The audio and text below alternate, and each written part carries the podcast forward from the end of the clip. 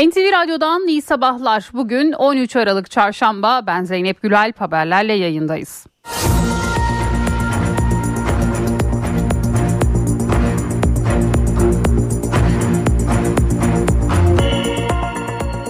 Pençe Kilit Operasyonu bölgesinde bölücü terör örgütü mensuplarının saldırısı sonucu bir asker şehit oldu. Milli Savunma Bakanlığı Piyade Teğmen Alperen Emir'in şehit olduğunu duyurdu. Ankara Gücü Kulübü Başkanı Faruk Hoca'nın saldırısına uğrayan ve elmacık kemiği kırılan hakem Halil Umut Meler'in bugün hastaneden taburcu olması bekleniyor. Ankara Gücü Başkanı ise dün sabah adliyeye sevk edildikten çok kısa süre sonra tutuklanarak cezaevine gönderildi. Faruk Hoca görevinden istifa etti. Koca istifa açıklamasında Halil Umut Meler'e karşı sergilediğim tavır nedeniyle başta Sayın Meler ve ailesi olmak üzere Türk hakem camiasından, spor kamuoyundan ve milletimizden özür özür diliyorum ifadelerini kullandı. Kulüp yönetimi Faruk Hoca'nın istifası sonrası İsmail Mert Fırat'ı oy birliğiyle başkan seçti.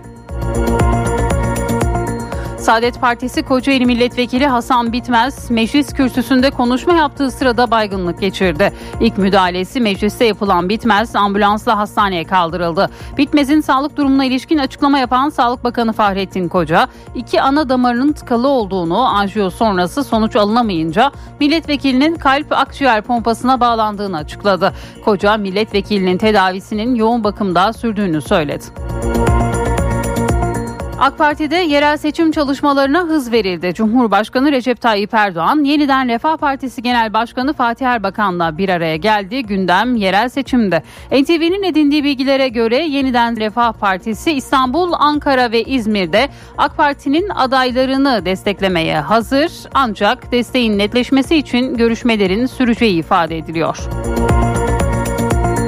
Cumhuriyet Halk Partisi ile Memleket Partisi arasında yerel seçim öncesi trafik hızlandı. CHP Genel Başkanı Özgür Özel, Muharrem İnce ile telefonla mesajlaştıklarını, yakında da bir araya geleceklerini söyledi. Muharrem İnce ile İstanbul Büyükşehir Belediye Başkanı Ekrem İmamoğlu da bir hafta içinde ikinci kez görüştü. İmamoğlu kendisinin en güçlü seviyede İstanbul'a destek olacağını söyledi. Ben de çok mutlu olduğumu söyledim dedi.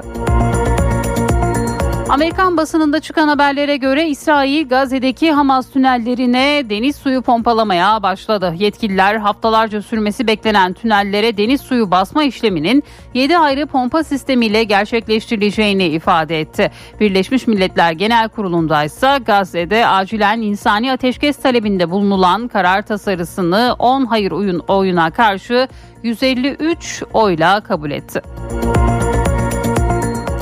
Avrupa Birliği Komisyonu Ukrayna'nın yeniden inşasına yardımcı olmak için dondurulan Rus varlıklarından elde edilen gelirlerin farklı bir hesaba aktarılmasına yönelik plan hazırladı.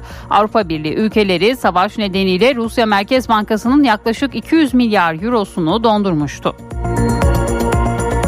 İkinci el taşıt satışında uygulanan 6 ay ve 6 bin kilometre kuralına motosiklet de dahil edildi. Karar resmi gazetede yayımlandı. Karar 1 Temmuz 2024 tarihine kadar geçerli olacak. Saat 3.36'da merkez üssü Gaziantep'in İslahiye ilçesi olan 3,9 büyüklüğünde bir deprem oldu. Sarsıntının yerin 7.4 kilometre derinlikte meydana geldiği bildirildi. Deprem kısa süreli paniğe neden oldu. Hatay'daki tarihi meclis binası yeniden inşa edilecek. Hatay Devleti dönemine döneminde meclis binası olarak kullanılan ve 6 Şubat'taki Kahramanmaraş merkezli depremlerde yıkılan tarihi yapıyla yanındaki Adalı Konağı Doğuş Grubu sponsorluğunda yeniden inşa çalışmalarına başlandı. Galatasaray UEFA Şampiyonlar Ligi'nin son haftasında deplasmanda Kopenhag'la karşı karşıya geldi. Sarı Kırmızılılar Danimarka temsilcisine 1-0 mağlup oldu. Galatasaray bu sonuçla yoluna UEFA Avrupa Ligi'nde devam edecek.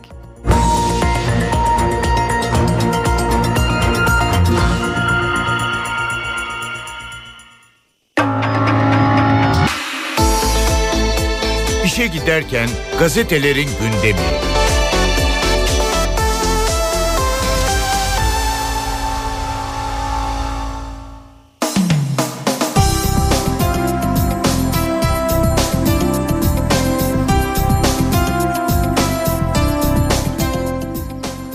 Sabahla başlıyoruz. Şiddete karşı net duruş manşetiyle çıkıyor bugün sabah gazetesi. Hakem Halil Umut Meler'e saha içinde atılan yumruğa kayıtsız kalmayan devlet tüm kurumlarıyla birlikte olayın üstüne gitti. Saldırganlar hemen tutuklandı.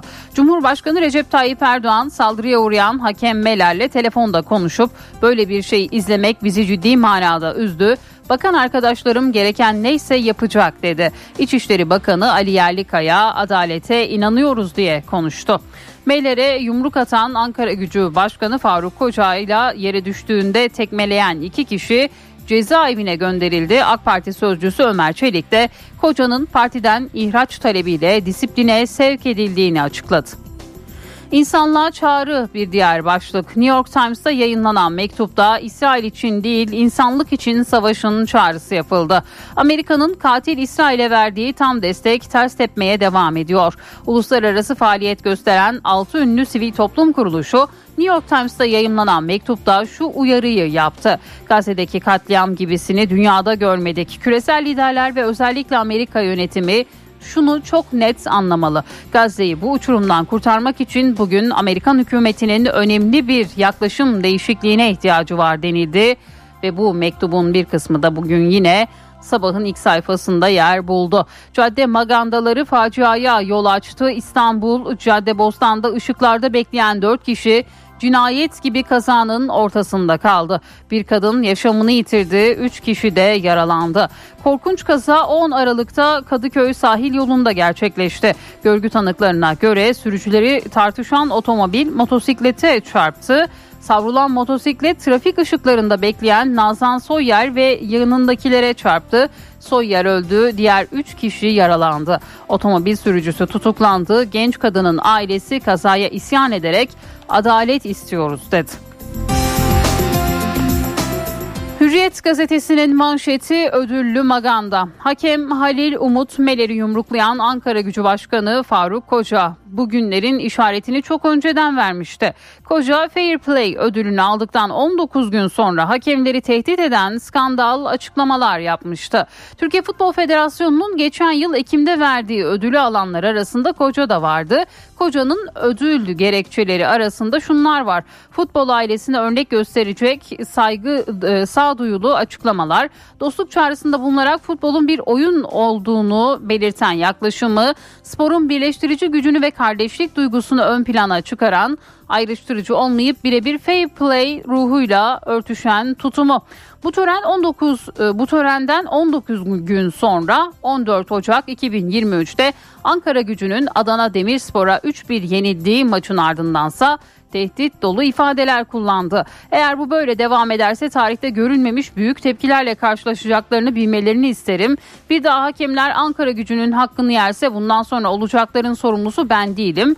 Bir daha olursa nasıl bir tepki vereceğiz herkes görecek demiş. 14 Ocak 2023'te Ankara gücü deplasmanında Bugün de bu açıklamalar Faruk Koca'nın Hürriyet gazetesinin manşetinde yer buluyor. Sporda şiddete izin vermeyiz. Cumhurbaşkanı Erdoğan hakem Halil Umut Meler'in sahada saldırıya uğrayıp yaralanmasına anında tepki gösterdi. Gereğinin yapılması için İçişleri ve Adalet Bakanlarına talimat verdi. Hakemlerden Türkiye Futbol Federasyonu'na ultimatom bir diğer başlık. Süper Lig ve 1. Lig'de görev yapan bir grup hakem saldırıya uğrayan meslektaşları Halil Umut Meler'i tedavi gördüğü hastanede ziyaret etti. Hakemler ziyaretten sonra yaptıkları açıklamayla Türkiye Futbol Federasyonu'na ultimatom verdi. Yaşananları herkes gördü, söyleyecek bir şeyimiz yok. Şu anda futbolu düşünecek durumumuz yok. Halil Umut Meler'in yanındayız. Sağlığına kavuştuğunda tüm hakemler bir araya gelerek geleceğimizle ilgili kararımızı açıklayacağız. Hakemler Türkiye Futbol Federasyonu'na maçlar siz istediğinizde değil güvendiğimiz sağlandığında başlayacak mesajını da verdi ve yine bu haberde bugün hürriyetteydi. Milliyetin manşeti günah keçisi seçilmiş. Seçil Erzan'ın teyzesi neden tek o suçlu diye isyan ederek dayı, ederken dayısı annesinin evleri talan edilmiş. Bunların da hesabı sorulsun diyor. Ve bugün seçiler zanı manşetine taşıyor. Milliyet Ankara için 3 isim istedi bir diğer başlık. AK Parti aday tespit mesaisine Cumhurbaşkanı Erdoğan başkanlığında önceki gün resmen başladı. Erdoğan Ankara milletvekilleri ve ilçe belediye başkanlarıyla bir araya geldi. Mini başkent zirvesi niteliğindeki görüşmede Erdoğan katılımcılardan Ankara Büyükşehir ve ilçe belediyeler için üçer aday isim önerisi istedi. Genel kurulda talihsiz olay bir diğer haber Saadet Partisi Kocaeli Milletvekili Hasan Bitmez Meclis Genel Kurulu'ndaki bütçe görüşmeleri sırasında kürsüde konuşmasını tamamladıktan hemen sonra fenalaştı ve yere düştü. Düşerken kafasını basamaklara çarpan Bitmez'e ilk müdahaleyi doktor vekiller yaptı. Hastaneye kaldırılan Bitmez'in durumunun kritik olduğu açıklandı ve yine bu haberde bugün Milliyet'in ilk sayfasında yer aldı. Yeni Şafak'ın manşeti Amerika'nın kiralık insan kasapları Gazze'de havadan yağdırdığı her çeşit bombayla çocukları, kadınları, yaşlıları katleden, hastaneleri, camileri, kiliseleri, okulları havaya uçuran İsrail kara savaşında varlık gösteremiyor. Verdiği kayıpların da şokuyla Hamas mücahitleriyle karşılaşmaktan ödü kopan terör devleti Amerika'nın paralı askerlerini yardıma çağırdı diyor Yeni Şafak gazetesi. Postanın manşeti yumruktan önce tehdit etmiş. Ankara Gücü Başkanı Faruk Koca'nın hakem Halil Umut Meler'in üzerine seni öldüreceğim diye yürüyüp yumruk attığı belirlendi. Koca'nın 14 Ocak'taki Adana Demirspor maçından sonra hakemler böyle devam ederse farklı yöntemler olur. Olacaklardan ben sorumlu değilim dediği de ortaya çıktı ve yine bu haberde postanın manşetinde yer aldı. Cumhuriyet'in manşeti yılbaşı yasağı devlet okullarında dini eğitimi öne çıkaran Milli Eğitim Bakanlığı özel okullara gönderdiği yazıyla bu kez yeni yıl kutlamalarını engellemek istedi. Üniversitelerde yılbaşı ağaçlarına saldırılar düzenlendiği, yeni yıl ve Noel'in tartışıldığı süreçte gönderilen yazının yılbaşı ayarlı olduğu değerlendirildi deniliyor. Cumhuriyet gazetesinin manşetinde bugün şimdi bir araya gideceğiz sonrasında haberlerle devam edeceğiz. NTV Radyo Türkiye'nin haber radyosu. Titanic Hotels köşedeki kitapçıyı sunar. Merhaba, ben Adnan Bostancıoğlu. Edebiyatımızın en üretken isimlerinden Neslihan Önderoğlu'nun yeni romanı Cüret, Everest yayınlarından çıktı. Neslihan Önderoğlu Boğaziçi Üniversitesi İşletme Bölümü mezunu. İlk öykü kitabı 2012'de yayımlanan İçeri Girmez Miydiniz ile Haldun Taner öykü ödülünü kazandı. Bir yıl sonra Mevsim Normalleri yayımlandı. Bu dönemde Önderoğlu'nun öyküleri çok sayıda seçkide yer aldı. Sonrasında üçüncü öykü kitabı Filler ve Balıklar ile gençlik romanı Bana Sesini Bırak ve yine gençler için yazdığı öyküler Mutsuz Palyaçolar örgütü geldi. Ve romanlar Ay dolandı Melih Cevdet Anday Edebiyat Ödülüne değer bulunan Yeryüzü Yorgunları ve Tuhaf Şeyler Oluyor Bay Tarantino. 2019'dan bu yana öykülerini 3 ayrı kitapta bir araya getirdi Önderoğlu. Sen ne istersen, Yakınlık Korkusu ve Küçük Bir Mesele. Neslihan Önderoğlu yeni romanı Cüret'te bir evin içinde yaşanan trajediden yola çıkarak kötülüğün, ötekileştirmenin, mazlumla zalimin yer değiştirmesinin izini sürüyor. Babası tarafından İstanbullu bir aileye satılan Arap kökenli mülteci sonradan verilen ismiyle Gül Ailenin doğuştan ağır engelli oğulları Oğuz, aynı apartmanda oturan antikacı Resul. Roman bu üç karakterin anlatımıyla ilerliyor. Evinden köyünden koparılmış Gül, geldiği evin hanımı Aliye'nin içinde birikmiş sevgisizliğin hatta nefretin hedefi olur. Bir yandan da neredeyse yatağa bağlı çaresiz bir hayat süren Oğuz'un bakıcılığını yapmak zorundadır. Oğuz ise yazarın ifadesiyle etrafında olanlardan haberdar ama dünyayı kavrayışı bizimkinden farklı, güçlükle konuşup birkaç kelimeyi söyleyebilen ama zihninin içinde derin bir dünya yatan biri. Komşuları Resul ise ikiz kardeşinin ölümünden kendini sorumlu tutarak büyüyen ve baba mesleğinden başka bir meslek düşünmeden hayatta kendi seçimlerini yapamamış bir karakter. Kefaretini de Gül ve Oğuz'a yardım ederek ödemek istiyor Oğuz. Cüret Neslihan Önderoğlu'nun kendi ifadesiyle öyle sırt üstü uzanıp okunacak bir roman değil. Karakterleriyle, olay örgüsüyle rahatsız edici. İyi bir roman olması da büyük ölçüde bu özelliğinden geliyor. Herkese iyi okumalar, hoşçakalın.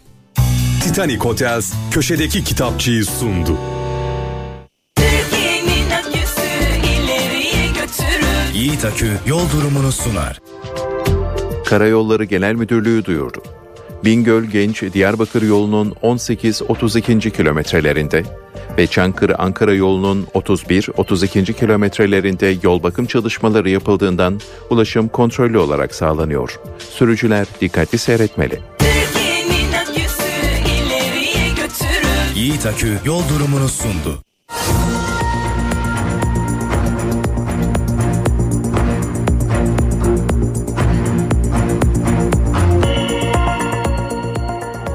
NTV Radyo'da haberleri aktarmayı sürdürüyoruz. Kuzey Irak'ta devam eden Pençe Kilit Operasyonu bölgesinden şehit haberi geldi. Teröristlerin saldırısı sonucu Teğmen Alperen Emir şehit oldu. Emir memleketi Ankara'da son yolculuğa uğurlanacak.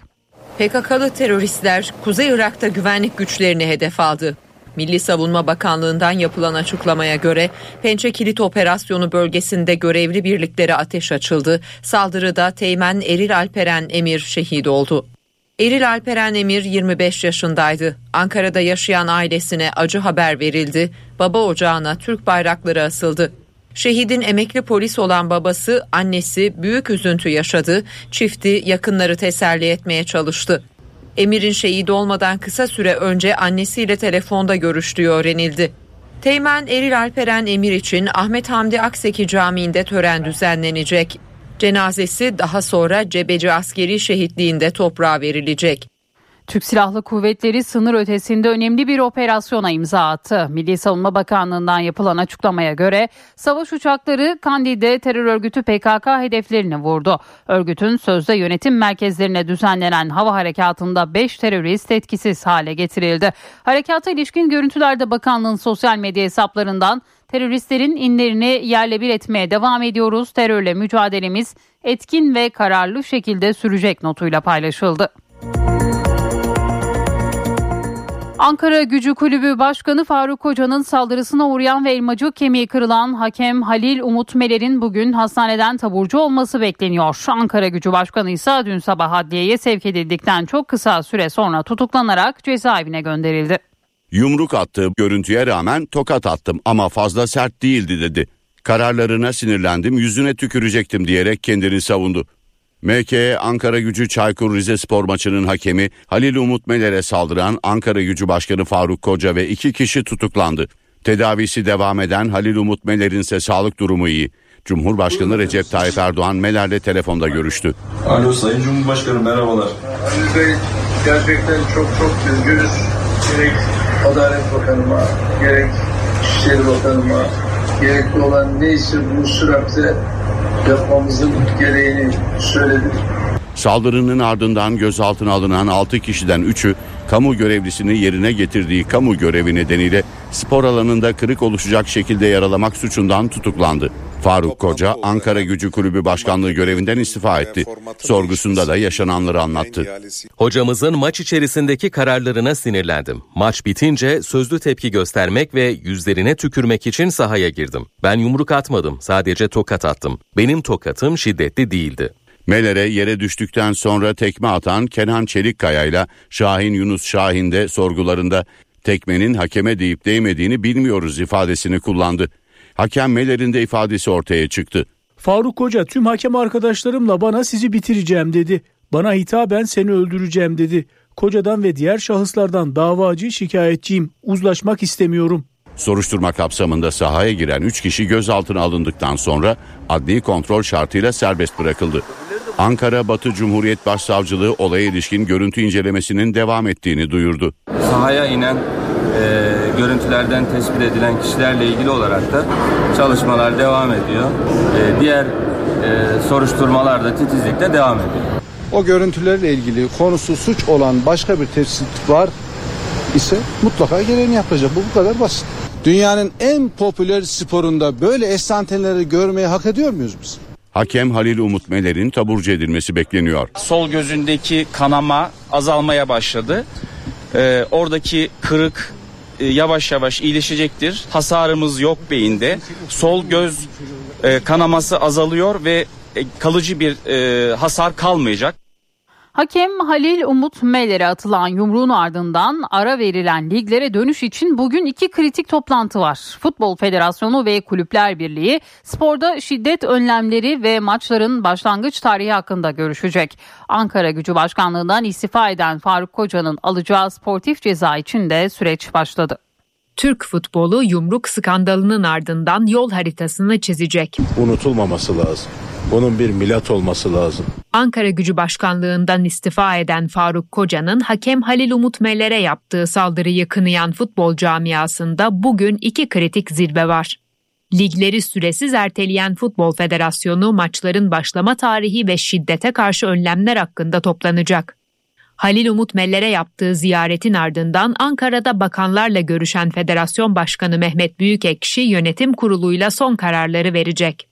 Gençlik ve Spor Bakanı Osman Aşkın Bak ertelenen liglere dönüşün uzun sürmeyeceğini söyledi. Çok uzun bir ara verilir mi? Zannetmiyorum. Kulüpler Birliği de yumruklu saldırının ardından olağanüstü toplanıyor. Ankara'da yaşanan olaya tepki gösteren kulüplerin başkanları saat 14'teki zirvede buluşacak. Halil Umut Meller'e yaptığı ziyaretin ardından Ankara'da bakanlarla görüşen Federasyon Başkanı Mehmet Büyükekşi yönetim kuruluyla vereceği son kararı saat 13'te açıklayacak. Faruk Koca'nın istifa ettiği Ankara gücünde ise yeni başkan belli oldu. Yönetim kurulu İsmail Mert Fırat'ı oy birliğiyle başkanlığa seçti. Hakeme yumruk atan Ankara gücünün eski başkanı Faruk Koca'nın alacağı sportif ceza için süreç başladı. Federasyonun hukuk müşavirliği Koca'yı tehdit, saldırı, saha olayları ve talimatlara aykırı hareketi nedeniyle Profesyonel Futbol Disiplin Kurulu'na sevk etti. Hakem Halil Umut Meler'e saldıran Ankara Gücü Başkanı Faruk Koca'ya tüm partilerden tepki geldi. AK Parti ise Koca'yı ihraç istemiyle disipline sevk etti. Ankara Gücü Başkanı Faruk Koca'nın ihraç talebiyle disiplin kuruluna sevki kararlaştırılmıştır. E, MKYK'mız tarafından. Hakem Halil Umut Meler'e saldırdığı için tutuklanan Ankara Gücü Başkanı Faruk Koca AK Parti'den de ihraç edilecek. Koca ihraç talebiyle disiplin kuruluna sevk edildi. Bu hadiseden büyük bir üzüntü duyduğumuzu, hayatın hiçbir alanında şiddeti kabul etmeyeceğimiz gibi kuşkusuz sporda bunu hiçbir şekilde mazur göremeyeceğimizi bir kere daha ifade ediyoruz. Yaşananlara siyasilerden de tepkiler peş peşe geldi. MHP Genel Başkanı Devlet Bahçeli sosyal medya hesabından Türk sporuna gölge düşmüştür dedi ve spor camiasına seslendi. Türk futbol hayatının şikeyle, şiddetle, sinir nöbeti geçiren ve illegal fonlara adı karışan kuşkulu isimlerle anılması esef ve endişe verici bir tabloyu ortaya çıkarmıştır. Tüm liglerdeki maçların süresiz olarak ertelenme kararıyla birlikte hakemlerin maçlara çıkmama çağrısının tekrar gözden geçirilmesini, Türk sporunun birkaç provokatöre teslim olmamasını yürekten ümit ediyorum. CHP Genel Başkanı Özgür Özel saldırıyı kınadı. Türkiye'nin uluslararası alanda itibarının zedelendiğini söyledi. Hepimizi utandıran, hepimizi dünyaya rezil eden bir olayla karşılaştık. Orada atılan her tekme Türkiye'nin uluslararası itibarına dağıtılmıştır. Orada atılan her tekme, vurulan o yumruk hepimize vurulmuş bir yumruktur. İyi Parti Genel Başkanı Meral Akşener de sosyal medya hesabından saldırıyı kınadı. Türk sporunun şiddet olaylarıyla anılmaması gerektiğini söyledi. NTV Radyo Meclis Genel Kurulu'nda gerçekleştirilen bütçe görüşmeleri sırasında talihsiz bir olay yaşandı. Saadet Partisi Kocaeli Milletvekili Hasan Bitmez kürsüde konuşma yaptığı sırada rahatsızlandı. Bayılarak yere düşen milletvekili kafasını genel kurulda bulunan merdivenlere çarptı. Kalbi duran ve hastanede yoğun bakım alınan milletvekilinin durumu kritik. Hepinizi saygıyla selamlıyorum. Meclis Genel Kurulu'nda kürsüde konuşma yaparken fenalaştı. Bayılarak yere düşen milletvekili başını basamaklara vurdu. Hepinizi saygıyla selamlıyorum. Saadet Partisi Kocaeli Milletvekili Hasan Bitmez'e ilk müdahale genel kurul salonunda yapıldı. Kalbi duran Bitmez'e İyi Parti Balıkesir Milletvekili Turhan Çömez kalp masajı yaptı. Ardından genel kurula getirilen sedye ile hastaneye kaldırıldı. Kalp ve şeker hastası olan Bitmez Bilkent Şehir Hastanesi'ne götürüldü. Anjiyonun ardından entübe edilerek yoğun bakım alındı. Sağlık durumuna ilişkin bilgileri ise Sağlık Bakanı Fahrettin Koca paylaştı. Yapılan anjiyo ile iki ana damarının tam tıkalı olduğu görüldü. yapılan müdahale sonrası sonuç alınamayınca kalp akciğer pompasına bağlandı. Kalp akciğer pompası, pompası ile hayati fonksiyonlarını devam ettiriyor. Durumu son derece kritik ve ciddi. Bitmez'in tedavi gördüğü hastaneye siyasetçiler akın etti. Çok sayıda bakan ve milletvekili Bitmez'in sağlık durumu hakkında yetkililerden bilgi aldı. Doktorlarımdan aldığımız e, bilgi e, durumun ciddi olduğudur. İnşallah e, yapılan bu tıbbi müdahalelere olumlu cevap verir ve en kısa süre içerisinde e, sağlıklı bir şekilde sağlığına kavuşarak tekrar e, Türkiye Büyük Millet Meclisi'ne aramıza döner. Bitmez'in rahatsızlandığı haberini alan Saadet Partisi Genel Başkanı Temel Karamollaoğlu da hastaneye gitti. Doktorların söyledikleri kalpteki damarlar genelde tam olarak fonksiyonlarını yerine getiremiyor. Kılcal damarlarla kalp besleniyor dediler. İnşallah sağlığına kavuşacak diye ümit ediyoruz. Hasan Bitmez'in genel kurulda yaşadığı rahatsızlık üzerine bütçe görüşmelerine ara verildi. Yerel seçim çalışmalarına hız veren AK Parti'de dün önemli görüşmeler bir de toplantı vardı. Cumhurbaşkanı Erdoğan yeniden Refah Partisi Genel Başkanı Fatih Erbakan'la bir araya geldi. AK Parti MKK toplantısına da başkanlık etti. AK Parti'de yerel seçim çalışmalarına hız verildi. Cumhurbaşkanı Recep Tayyip Erdoğan yeniden Refah Partisi Genel Başkanı Fatih Erbakan'la bir araya geldi. AK Parti Genel Merkezi'ndeki görüşmede gündem 31 Mart'ta yapılacak mahalli idareler seçimiydi. Sayın Cumhurbaşkanımızın daveti üzerine bugün kendisiyle bir görüşme yaptık. Yaklaşan seçimlerle ilgili de çeşitli fikir alışverişlerini gerçekleştirdik. NTV'nin edindiği bilgilere göre yeniden Refah Partisi İstanbul, Ankara ve İzmir'de AK Parti'nin adaylarını desteklemeye hazır. Ancak desteğin netleşmesi için görüşmelerin süreceği ifade ediliyor. Seçimle ilgili bir takım konular müzakere edildi. Bizim de teşkilatımızla, yetkili kurullarımızla değerlendirmeler, istişareler yapmamız gerekir. Erdoğan bu görüşme öncesinde de AK Parti Merkez Karar ve Yönetim Kurulu toplantısına başkanlık etti. Toplantıda yerel seçim hazırlıklarıyla MHP ile yürütülen ittifak çalışmaları ele alındı. Cumhur İttifakı'nda e, bir sorun herhangi bir şekilde söz konusu değil. Şimdiye kadar AK Parti heyetiyle MHP heyeti arasında birçok görüşme yapıldı. Arkadaşlarımız heyetler arasında görüşme devam ediyor. AK Parti sözcüsü Ömer Çelik ise MHP ile yürütülen yerel seçim görüşmeleri hakkında bilgi verdi. Problem yok dedi. Belediye başkan adaylarının açıklanacağı tarihi de verdi. Sayın Cumhurbaşkanımız işte bu ayın 3. haftasından itibaren açıklamalar yapmaya başlarız dedi. Muhalefette de ittifak arayışları var. CHP ile Memleket Partisi arasında görüşmeler sürüyor. Özgür Özel ve Ekrem İmamoğlu Muharrem İnce ile ilgili açıklamalar yaptı. Cumhuriyet Halk Partisi ile Memleket Partisi arasında yerel seçim öncesi trafik hızlandı. CHP Genel Başkanı Özgür Özel Muharrem İnce ile telefonla mesajlaştıklarını, yakında da bir araya geleceklerini söyledi. Henüz bir randevuleşme olmadı ama Sayın Muharrem İnce sonuçta geçmişte birlikte siyaset yaptığımız bu partide önemli görevler üstlenmiş, ülkede önemli görevler üstlenmiş birisidir. Randevu isteğinin geri çevrilmesi zaten düşünülemez. Bir nezaket ziyareti yapmak istediğini ve bugün yine kendi açıklamasından İstanbul'da Sayın Başkan'a destek olmanın önemli olduğunu söylüyor. Muharrem İnce ile İstanbul Büyükşehir Belediye Başkanı Ekrem İmamoğlu da bir hafta içinde ikinci kez görüştü. Gündemlerinde İstanbul vardı. Çok net İstanbul'u konuştuk. Kendisinin e, en güçlü seviyede e, İstanbul'a destek olacağını tarafıma iletti. Ben de çok mutlu olduğumu söyledim. Gazze gündemiyle devam edelim. İsrail Hamas tünellerini deniz suyuyla doldurmaya başladı. Tünellerin tamamının doldurulmasının haftalar süreceği belirtildi. Amerikan Wall Street Journal gazetesinin haberine göre bazı Amerikan hükümeti yetkilileri tuzlu suyun temiz su kaynaklarına karışmasından endişe ediyor. Ancak Hamas'ın operasyon kapasitesini zayıflatması hedeflenen plana destek de var. Bu arada İsrail ordusu Gazze'de iki rehinenin cansız bedenlerine ulaştı. Hamas'ın elinde 135 rehine kaldığı, bunlardan 19'unun sağ olmadığının tespit edildiği de açıklandı.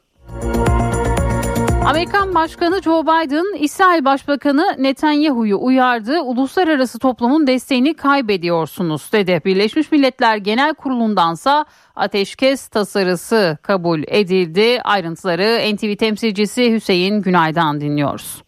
Biden kendisinden beklenmeyen bir çıkış yaptı. Aslında Biden bu açıklamaları gizli bir toplantıda söyledi. Yani Biden'ın söylemiş olduğu birazdan söyleyeceğim bu cümlelere ilişkin bir görüntü kaydımız yok. Kapalı bir toplantıda konuştu. Daha sonra o toplantıdaki kişiler bu bilgileri sızdırdı. Ancak sızdıranların sayısı bir hayli fazla olunca biz Biden'ın bu cümleleri sarf ettiğine ikna olduk. Biden dedi ki İsrail ayrım gözetmeksizin Gazze'yi bombaladığı için desteği kaybediyor. Amerika destekliyor, Avrupa Birliği destekliyor, hatta Asya'dan bazı ülkeler İsrail'i destekliyor. Ancak İsrail bu desteği kötüye kullanıyor dedi. Netanyahu'nun kendi hükümetini değiştirmesi gerektiğini vurguladı. Ee, Netanyahu'nun mevcut savaş kabinesinin aşırı sağcı ve aşırı muhafazakar olduğunu dile getirdi. Ve aynı zamanda dedi ki Netanyahu dünyanın işini zorlaştırıyor. Şimdi sadece bu açıklamalara bakıldığında Amerika Birleşik Devletleri'nin İsrail'i eleştirdiğini düşünebiliriz. İsrail'e karşı olduğunu belki düşünebiliriz. Ancak Biden'ın bu açıklamaları Amerika'nın İsrail'e desteğini kesmiyor. Daha iki gün önce 14 bin tank mermisi gönderdiler. Veya Amerika Birleşik Devletleri'nin Birleşmiş Milletler Genel Kurulu'ndaki tutumunu değiştirmiyor. Bir öyle bir böyle güvenmek içinse işler iyice zorlaşıyor. Yani bu açıklamalardan daha çok duyacağız. Birleşmiş Milletler dünyadaki en güçlü sivil toplum kuruluşu. 193 üyesi var. Bunlar birey değil, ülke. 153 ülke Gazze'de ateşkesi desteklediğini bütün dünyaya ilan etmiş oldu. Ee, ancak Amerika Birleşik Devletleri tasarıya ve ateşkese hayır dedi. Amerika Güvenlik Konseyi'nin daimi üyesi ve Birleşmiş Milletler'in en güçlü organı Güvenlik Konseyi. Bu genel kuruldan geçti. Amerika'nın hayır dediği hiçbir tasarı 192 ülke evet dese de kabul edilmeyecek. Benim daha çok dikkatimi çeken tasarıya hayır diyen bazı ülkeler. Şimdi e, bunları söyleyeceğim. Adlarını yeni duyabilirsiniz. Nerede olduğunu bilmeyebilirsiniz. Ancak bunlar birer ülke. 10 ülke tasarıya hayır dedi. Liberya, Mikronezya, Papua Yeni Gine, Nauru, Avustralya, Amerika Birleşik Devletleri, İsrail ve Paraguay. Hüseyin Günay Washington'dan bildirdi. NTV Radyo Ukrayna'nın başkenti Kiev Rus füzelerinin hedefi oldu. Belediye Başkanı Vitali Klitschko'nun açıklamasına göre füzeler hava savunma sistemleri tarafından etkisiz hale getirildi. Ancak füze parçaları sivillerin yaşadığı binalara hasar verdi. En az 12 kişi yaralandı. Ayrıca bir çocuk hastanesi de hasar aldı. Başkentin birçok noktasında yangın çıktı. Acil servis ekipleri yaralıları kurtarmak için zamana karşı yarıştı. Mısır'da yapılan Cumhurbaşkanlığı seçimleri sona erdi. Oy verme işlemi 3 gün sürdü. Seçim komisyonuna göre sandıkların kapanmasından sonra oy sayımı başladı. Seçimlere katılımın yüksek olduğu belirtildi. Ülkede kayıtlı seçmen sayısı 67 milyonu geçiyor. Seçim sonuçlarının 18 Aralık'ta açıklanması bekleniyor. Seçimin ikinci tura kalması halinde oy verme işleminin 8 Ocak'ta başlayıp yine 3 gün sürmesi planlanıyor. Ancak Abdel Sisi'nin Mısır Cumhurbaşkanı olarak yeniden seçilmesine kesin gözüyle bakılıyor. Sisi son iki seçimde oyların %96'sını almıştı. Yabancıya vatandaşlık hakkı düzenlemesinde kapsam daraltıldı. Arsa ve tarla alarak vatandaşlık kazanılması uygulamasına son verildi. Yeni düzenleme resmi gazetede yayımlanarak yürürlüğe girdi. Yönetmeliğe üzerinde yapı bulunan arsa vasıflı taşınmaz ibaresi eklendi. Bu adımla arsa ve tarla olarak vatandaşlık kazanılması uygulanmasına da son verildi. Türkiye'de 400 bin dolar değerinde gayrimenkul alanlara vatandaşlık veriliyor. Konutların günlük olarak kiraya verilmesi zorlaştırıldı. O evler daha uzun süreli kiralanmaya başlandı. Bu da İstanbul'da kiralık ev fiyatlarında 3 yıl sonra ilk kez düşüş getirdi. Büyük şehirlerde kiralar 3 yıl sonra ilk kez geriledi.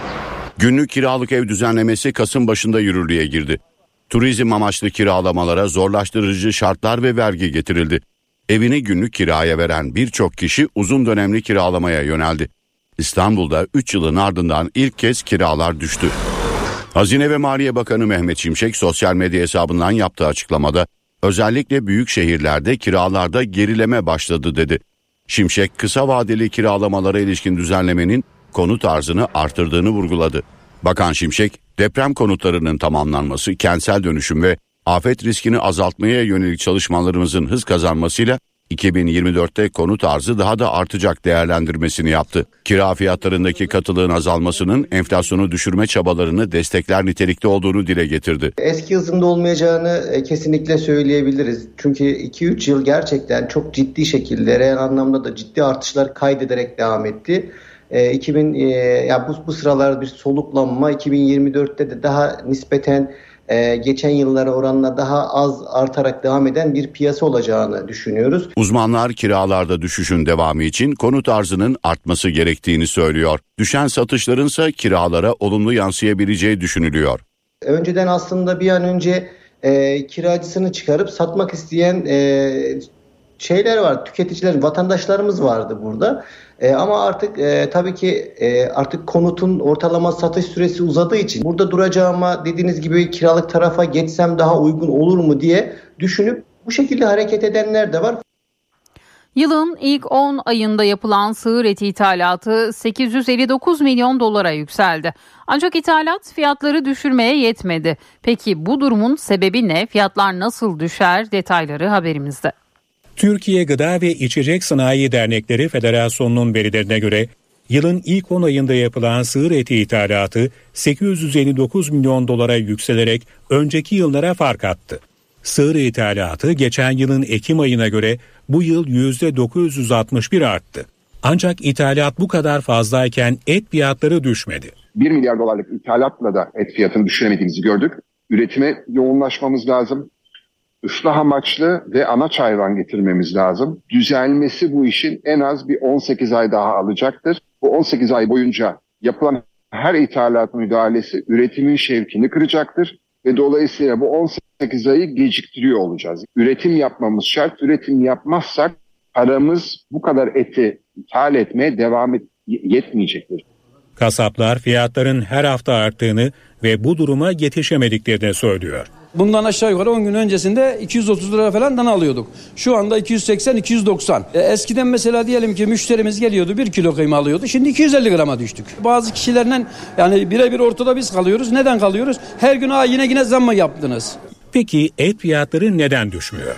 Türkiye'de hayvan varlığı da azaldığı için özellikle Brezilya'dan, e, Avrupa'dan hayvan ithalatı yapılıyor. Bu da Türkiye açısından bu ithalat sarmalının aslında 2010 yılından bu yana devam ettiğini gösteriyor. Hayvanlar orada kesilip sadece karkas et geldiği için bu sefer Türkiye'de ciddi bir sakatat e, açığı da ortaya çıktı ve sakatat fiyatları da artmaya başladı.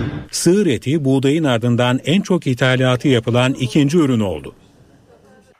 İstanbul Valiliği ihtiyaç sahibi ailelerin çocukları için bir kampanya başlattı. Bir çocuk, bir dilek. Çocuklara bir mektupla dilekleri soruldu ve o istekleri gerçekleştirilmeye başlandı. İlk hediyeleri sahiplerine İstanbul Valisi Davut Gül verdi. Çocuklara bir mektup yolladılar. En çok istedikleri üç dileği sordular. İstanbul Valiliği çocukların 3 isteğinden birini gerçekleştirmek için harekete geçti. Bir Çocuk Bir Dilek kampanyasıyla Sosyal Yardımlaşma ve Dayanışma Vakfı'na kayıtlı 5013 çocuğa ulaşıldı. Mektuba çocukların yazdığı cevaplar görevliler tarafından toplandı. Nasılsınız gençler? Proje kapsamında ilk hediyeleri İstanbul Valisi Davut Gül Bağcılar'da verdi. Kız bisikleti zaten şöyle kardeşsiniz ya birlikte kullanırsınız. Tableti de, bisikleti de. Bunu yaparken hem valiliğimizin imkanları, hem hayırseverlerimizin imkanları, hem de Sosyal Yardımlaşma ve Dayanışma Vakfı'nın imkanlarıyla yapıyoruz. İnşallah ilimizdeki yetim öksüz sosyal yardımlaşmaya kayıtlı çocuklarımızın tamamının dilekleri yılbaşına kadar yerine getirilmiş olacak. Hayırseverler www.birçocukbirdilek.org internet sitesi üzerinden kampanyaya katkıda bulunabiliyor.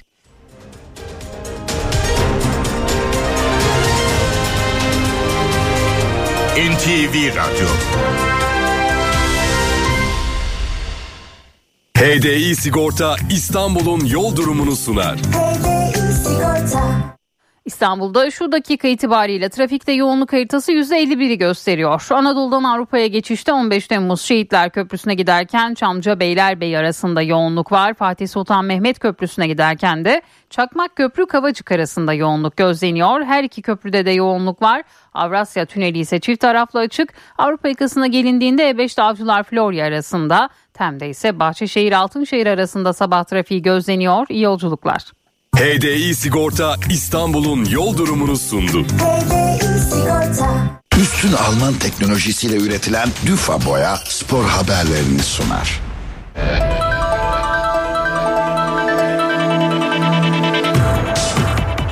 Hakem Halil Umut Meler'e atılan yumruğun ardından ara verilen liglere dönüş için bugün iki kritik toplantı var.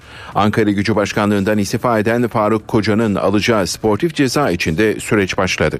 Türk futbolu yumruk skandalının ardından yol haritasını çizecek. Unutulmaması lazım.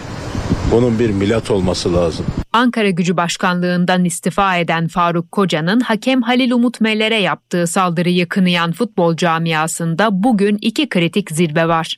Ligleri süresiz erteleyen Futbol Federasyonu maçların başlama tarihi ve şiddete karşı önlemler hakkında toplanacak. Halil Umut Meller'e yaptığı ziyaretin ardından Ankara'da bakanlarla görüşen Federasyon Başkanı Mehmet Büyükekşi yönetim kuruluyla vereceği son kararı saat 13'te açıklayacak. Gençlik ve Spor Bakanı Osman Aşkın Bak ertelenen liglere dönüşün uzun sürmeyeceğini söyledi. Çok uzun bir ara verilir mi? Zannetmiyorum.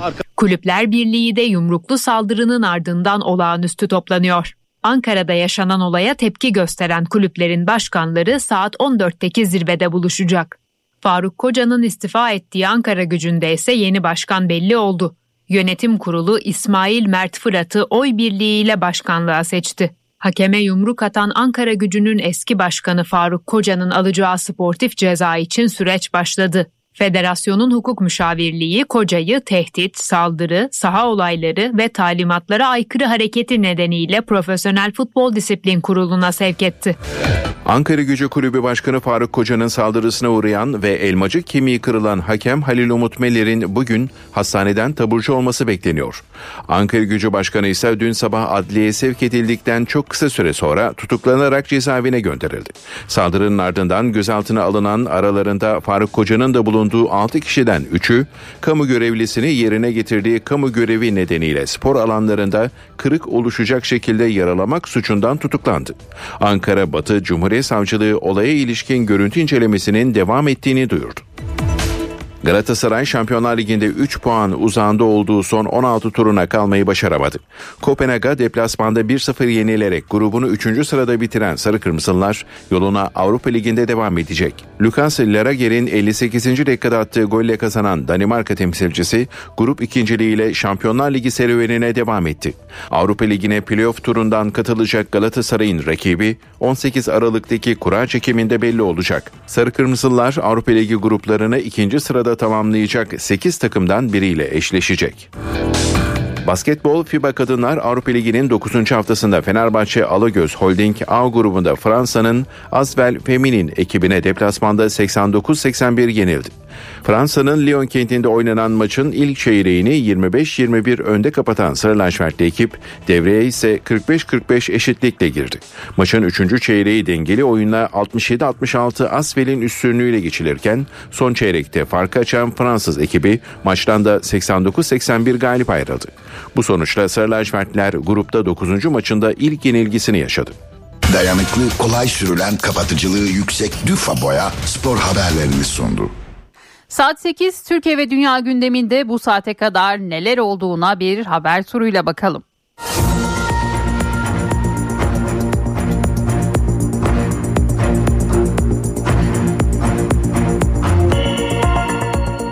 Pençe Kilit Operasyonu bölgesinde bölücü terör örgütü mensuplarının saldırısı sonucu bir asker şehit oldu. Milli Savunma Bakanlığı Piyade Teğmen Alperen Emir'in şehit olduğunu duyurdu. Ankara Gücü Kulübü Başkanı Faruk Koca'nın saldırısına uğrayan ve elmacık kemiği kırılan hakem Halil Umut Meler'in bugün hastaneden taburcu olması bekleniyor. Ankara Gücü Başkanı ise dün sabah adliyeye sevk edildikten çok kısa bir süre sonra tutuklanarak cezaevine gönderildi. Faruk Koca görevinden de istifa etti. Koca istifa açıklamasında Halil Umut Meler'e karşı sergilediğim tavır nedeniyle başta Sayın Meler ve ailesi olmak üzere Türk hakem camiasından, spor kamuoyundan ve millet milletimizden özür diliyorum ifadelerini kullandı. Kulüp yönetimi Faruk Koca'nın istifası sonrası İsmail Mert Fırat'ı oy birliğiyle başkan seçti. Bugün iki kritik toplantı da var. Futbol Federasyonu ve Kulüpler Birliği sporda şiddet önlemleri ve maçların başlangıç tarihi hakkında görüşecek. Ankara Gücü Başkanlığından istifa eden Faruk Koca'nın alacağı sportif ceza için de süreç başladı.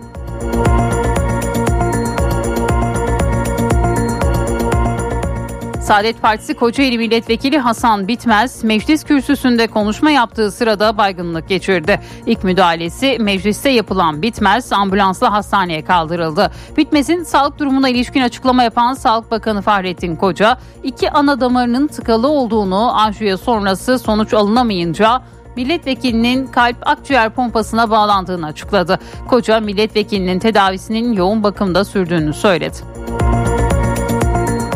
AK Parti'de yerel seçim çalışmalarına hız verildi. Cumhurbaşkanı Recep Tayyip Erdoğan yeniden Refah Partisi Genel Başkanı Fatih Erbakan'la bir araya geldi. Gündem yerel seçimdi. NTV'nin edindiği bilgilere göre yeniden Refah Partisi İstanbul, Ankara ve İzmir'de AK Parti'nin adaylarını desteklemeye hazır ancak desteğin netleşmesi için görüşmelerin süreceği ifade ediliyor. Cumhuriyet Halk Partisi ile Memleket Partisi arasında da yerel seçim öncesi trafik hızlandı. CHP Genel Başkanı Özgür Özel, Muharrem İnce ile telefonla mesajlaştıklarını, yakında da bir araya geleceklerini söyledi. Muharrem İnce ile İstanbul Büyükşehir Belediye Başkanı Ekrem İmamoğlu da bir hafta içinde ikinci kez görüştü. İmamoğlu kendisinin en güçlü seviyede İstanbul'a destek olacağını söyledi. Ben de çok mutlu olduğumu söyledim dedi. Amerikan basınında çıkan haberlere göre İsrail Gazze'deki Hamas tünellerine deniz suyu pompalamaya başladı. Yetkililer haftalarca sürmesi beklenen tünellere deniz suyu basma işleminin 7 ayrı pompa sistemiyle gerçekleştirileceğini ifade etti. Birleşmiş Milletler Genel Kurulu'nda ise Gazze'de acilen insani ateşkes talebinde bulunulan karar tasarısını 10 hayır oyuna karşı 153 oyla kabul edildi. Avrupa Birliği Komisyonu Ukrayna'nın yeniden inşasına yardımcı olmak için dondurulan Rus varlıklarından elde edilen gelirlerin farklı bir hesaba aktarılmasına yönelik plan hazırladı. Avrupa Birliği ülkeleri savaş nedeniyle Rusya Merkez Bankası'nın yaklaşık 200 milyar eurosunu dondurmuştu. İkinci el taşıt satışında uygulanan 6 ay ve 6 bin kilometre kuralına motosiklet de dahil edildi. Karar resmi gazetede yayımlandı. Karar 1 Temmuz 2024 tarihine kadar geçerli olacak. Saat 3.36'da merkez üssü Gaziantep'in İsahiye ilçesi olan 3,9 büyüklüğünde bir deprem oldu. Sarsıntının yerin 7.4 kilometre derinlikte meydana geldiği bildirildi. Deprem kısa süreli paniğe de neden oldu.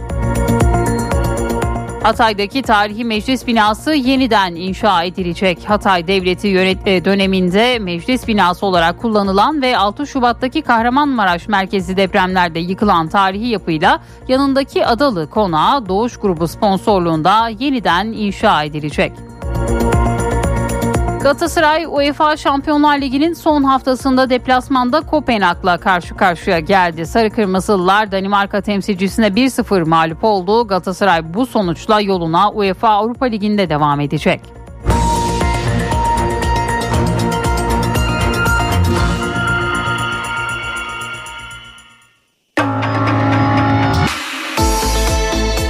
İşe giderken gazetelerin gündemi.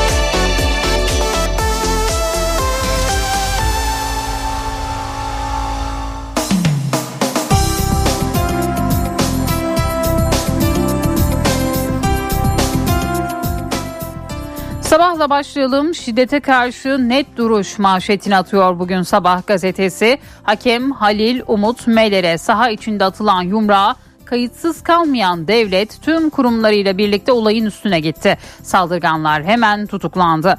Cumhurbaşkanı Recep Tayyip Erdoğan saldırıya uğrayan hakem Meler'le telefonda konuşup böyle bir şeyi izlemek bizi ciddi manada üzdü. Bakan arkadaşlarım gereken neyse yapacak dedi. İçişleri Bakanı Ali Yerlikaya'ya Ali Yerlikaya da adalete inanıyoruz diye konuştu. Meller'e yumruk atan Ankara Gücü Başkanı Faruk Koca ile yere düştüğünde tekmeleyen iki kişi cezaevine gönderildi. AK Parti sözcüsü Ömer Çelik de Koca'nın partiden ihraç talebiyle disipline sevk edildiğini açıkladı ve yine bu haberde bugün sabahın manşetinde yer aldı. İnsanlığa çağrı bir diğer haber New York Times'ta yayınlanan mektupta İsrail için değil insanlık için savaşın çağrısı yapıldı. Amerika'nın katil İsrail'e verdiği tam destek ters tepmeye devam ediyor. Uluslararası faaliyet gösteren 6 ünlü sivil toplum kuruluşu New York Times'ta yayımlanan mektupta şu uyarıyı yaptı. Gazze'deki katliam gibisini dünyada görmedik. Küresel liderler ve özellikle Amerikan yönetimi şunu çok net anlamalı. Gazze'yi bu uçurumdan kurtarmak için bugün Amerikan hükümetinin önemli bir yaklaşım değişikliğine ihtiyacı var denildi. Ve bu mektubun bir kısmı da yine sabahın ilk sayfasında yer buldu. Cadde magandaları faciaya yol açtı. İstanbul Cadde Bostan'da ışıklarda bekleyen 4 kişi cinayet gibi kazanın ortasında kaldı. Bir kadın yaşamını yitirdi, 3 kişi de yaralandı. Korkunç kaza 10 Aralık'ta Kadıköy sahil yolunda gerçekleşti. Görgü tanıklarına göre sürücüleri taşıyan otomobil motosikletle çarpıştı. Savrulan motosiklet trafik ışıklarında bekleyen Nazan Soyer ve yanındakilere çarptı. Soyer öldü, diğer 3 kişi yaralandı. Otomobil sürücüsü tutuklandı. Genç kadının ailesi kazaya isyan etti ve adalet istiyoruz dedi. Hürriyet'in manşeti ödüllü maganda. Hakem Halil Umut Meler'i yumruklayan Ankara Gücü Başkanı Faruk Koca bugünlerin işaretini çok önceden vermişti. Koca Fair Play ödülünü aldıktan 19 gün sonra hakemleri tehdit eden skandal açıklamalar yapmıştı. Türkiye Futbol Federasyonu'nun geçen yıl Ekim'de verdiği ödülü alanlar arasında Koca da vardı. Koca'nın ödül gerekçeleri arasında şunlar vardı. Futbol ailesine örnek gösterilecek say, e, sağduyulu açıklamalar, dostluk çağrısında bulunarak futbolun bir oyun olduğunu belirten yaklaşımı, sporun birleştirici gücünü ve kardeşlik duygusunu ön plana çıkaran, ayrıştırıcı olmayıp birebir fair play ruhuyla örtüşen tutumu. Bu törenden 19 gün sonra 14 Ocak 2023'te Ankara gücünün Adana Demirspor'la 3-1 yenildiği maçın ardındansa tehdit dolu ifadeler kullandı. Eğer bu böyle devam ederse tarihte görülmemiş büyük tepkilerle karşılaşacaklarını bilmelerini isterim. Bir daha hakemler Ankara gücünün hakkını yerse Bundan sonra olacakların sorumlusu ben değilim. Bir daha olursa nasıl bir tepki vereceğiz herkes görecek demiş. Bugün Faruk Koca'nın 2023 14 Ocak günü yaptığı açıklamada Hürriyet'in ilk sayfasında ve manşetinde yer buluyor. Sporda şiddete izin vermeyiz. Yine Cumhurbaşkanı Erdoğan'ın sözleri bu başlıkla Hürriyet gazetesinde. Bir diğer haber hakemlerden Türkiye Futbol Federasyonu'na ultimatom başlığıyla. Süper Lig ve 1. Lig'de görev yapan bir grup hakem saldırıya uğrayan meslektaşları Halil Umut Melir'i tedavi gördüğü hastanede ziyaret etti. Hakemler ziyaretten sonra yaptıkları açıklamayla Türkiye Futbol Federasyonu'na ultimatom verdi. Yaşananları herkes gördü. Söyleyecek bir şeyimiz yok. Şu anda futbolu düşünecek durumumuz yok. Halil Umut Meler'in yanındayız. Sağlığına kavuştuğunda tüm hakemler bir araya gelerek geleceğimizle ilgili kararımızı açıklayacağız. Hakemler Türkiye Futbol Federasyonu'na maçlar siz istediğinizde değil, güvendiğimiz sağlandığında başlayacak mesajını da verdi ve yine bu haberde bugün Hürriyet'in ilk sayfasında yer buldu. Milliyetin manşeti günah keçisi seçilmiş. Seçil Erzan'ın teyzesi neden tek suçlu o diye isyan ederken dayısı annesinin evleri talan edilmiş bunların da hesabı sorulsun diyor. Çorlu merkezde önce eski bankacı Seçil Erzan tarafından dolandırıldığı iddia edilen isimlerin kapısını çaldık. Ancak kimin yanına gittiysek dolandırılan biz değildik diye yanıt verdi. Mağdurlardan birinin avukatıyla görüştüğümüzde bize tefecilikle suçlanmaktan korktukları için şikayetçi olmaktan kaçıyorlar dedi. Erzan'ın e, ailesinin yaşadığı köyde de kimse konuşmadı. Daha sonra Erzan'ın ailesinin kapısını çaldık. Anne Erzan'a bakan kız kardeşim Makbule İnan Seçil'in yanında olanlar neden şimdi yok diye isyan etti. Erzan'ın dayısı Saadettin Pinpiri de tepkiliydi. Annesinin emekli maaşına haciz konulmuş, evi talan edilmiş. Hangi yasa ve hukuka göre bu yapıldı diye yazıyor bugün Milliyet gazetesi Seçil Erzan'ın dayısının sözlerini de.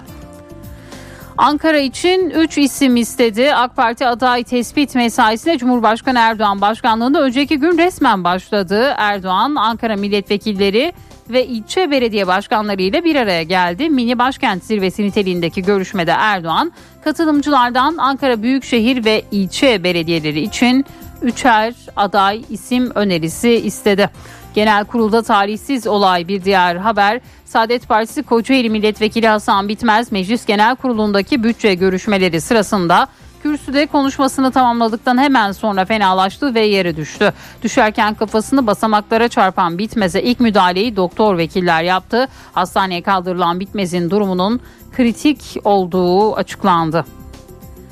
İlk değilmiş ama son olsun. Bir diğer haber Konya Beyşehir'de 13 yaşında nişanlandırılan CS ile 28 yaşındaki Ali G'nin aileleri köyde erken yaşta evlendi, evliliklerin olağan olduğunu belirterek sanki bu olay ilk kez yaşanıyormuş gibi abartıldı dediler. Türkiye'nin gündemine oturan olayın ardından küçük kız devlet koruması altına alınmıştı deniliyor Milliyet gazetesinde. 13 yaşındaki çocuk 12 yaşındaki arkadaşını öldürdü bir diğer başlık. Kayseri'de 13 yaşındaki TŞ 12 yaşındaki okul arkadaşı Hürkan Samet Durmaz'ı bir inşaatın çatısında bıçaklayarak öldürdü. TŞ'nin şiddet içeren mavi balina oyunundan etkilenerek cinayeti işlediği değerlendiriliyor. Olayın yaşandığı inşaatta hiçbir güvenlik önlemi alınmadığı da görüldü deniliyor. Bugün Milliyet gazetesinde.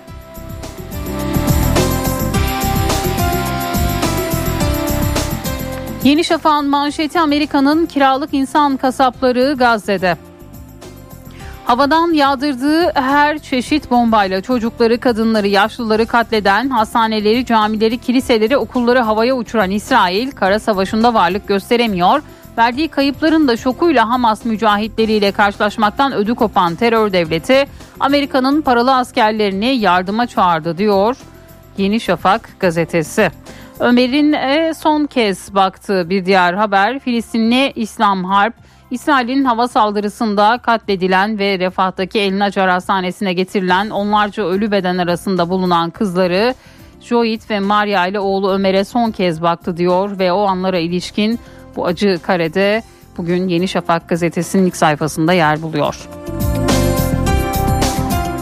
Postayla devam ediyoruz. Yumruktan önce tehdit etmiş manşetini görüyoruz. Ankara Gücü Başkanı Faruk Koca'nın hakem Halil Umut Meler'in üzerine seni öldüreceğim diye yürüyüp yumruk attığı belirlendi. Koca'nın 14 Ocak'taki Adana Demirspor maçından sonra hakemler böyle devam ederse farklı yöntemler olur.